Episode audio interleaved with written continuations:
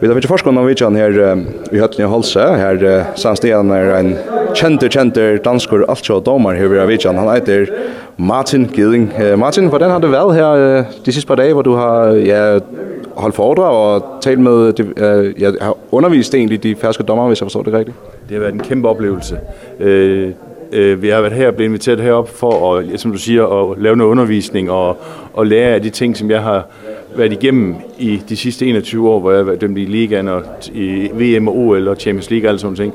Og det har virkelig inspireret mig at være heroppe, og, og alle dommerne har virkelig øh, taget imod sig og taget imod de ting, jeg har sagt til dem, og at vi havde i år syv timers kursus, hvor vi bare kørte på, og jeg kunne bare se til sidst, de kunne ikke, de kunne ikke rumme mere, så jeg har, jeg har puttet meget ind i, i, i, i går. Det lyder rigtig godt. Har du noget, fået noget indtryk af, hvad, hvad, hvad der måske er særligt for en færdig dommer i forhold til måske en, der dømmer i Dansk Liga og så på det niveau, I har været på? ja, det, det er jo selvfølgelig at, at, at komme op på det niveau, som vi har i Danmark, fordi vi har en liga, der er meget, meget bedre end den færøske.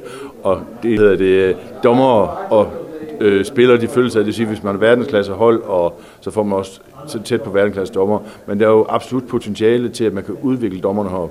Fordi nu lige i øjeblikket oplever man specielt det, med de færøske herre, ungdom og senior lige nu, at de, de vokser. Det vil sige, så er, mulighed, så er muligheden for, at man kan få gode dommer, det er, det er også til stede.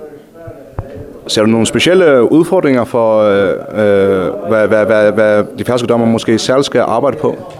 Ja, men så ser vi den kamp, vi lige har været indset på i dag. Der var jo der var ikke decideret ret mange, altså, ret mange deciderede fejlkendelser. Så det, jeg vil snakke med dommerne om lidt senere i dag, det er måde med, hvordan de sælger deres kendelser, hvordan deres kropsprog er, og hvordan de sådan bevæger sig. Så det er nogle af de ting, jeg vil begynde at, at påpege over for dem. Hvis du skal give råd til uh, måske uh, her til vores lyttere, som måske har en lille dommer i sig, hvad, hvad, hvad, hvad, hvad, hvad vil du så sige til dem? Hvad, hvad, skal de, hvad skal de arbejde på? Jamen, de skal tage kontakt til det færøske håndboldforbund og sige, at vi vil gerne være dommer, og så skal I bare nyde det, for det er så sjovt at rende rundt dagen. Nogle gange får man lidt problemer, men det er bare med til at modne en og gøre en stærkere. Fedt. Uh, tusind tak for snakken, Martin Geding, og ja, held og lykke med resten af, af ja, dit arbejde med dommerne. Mange tak.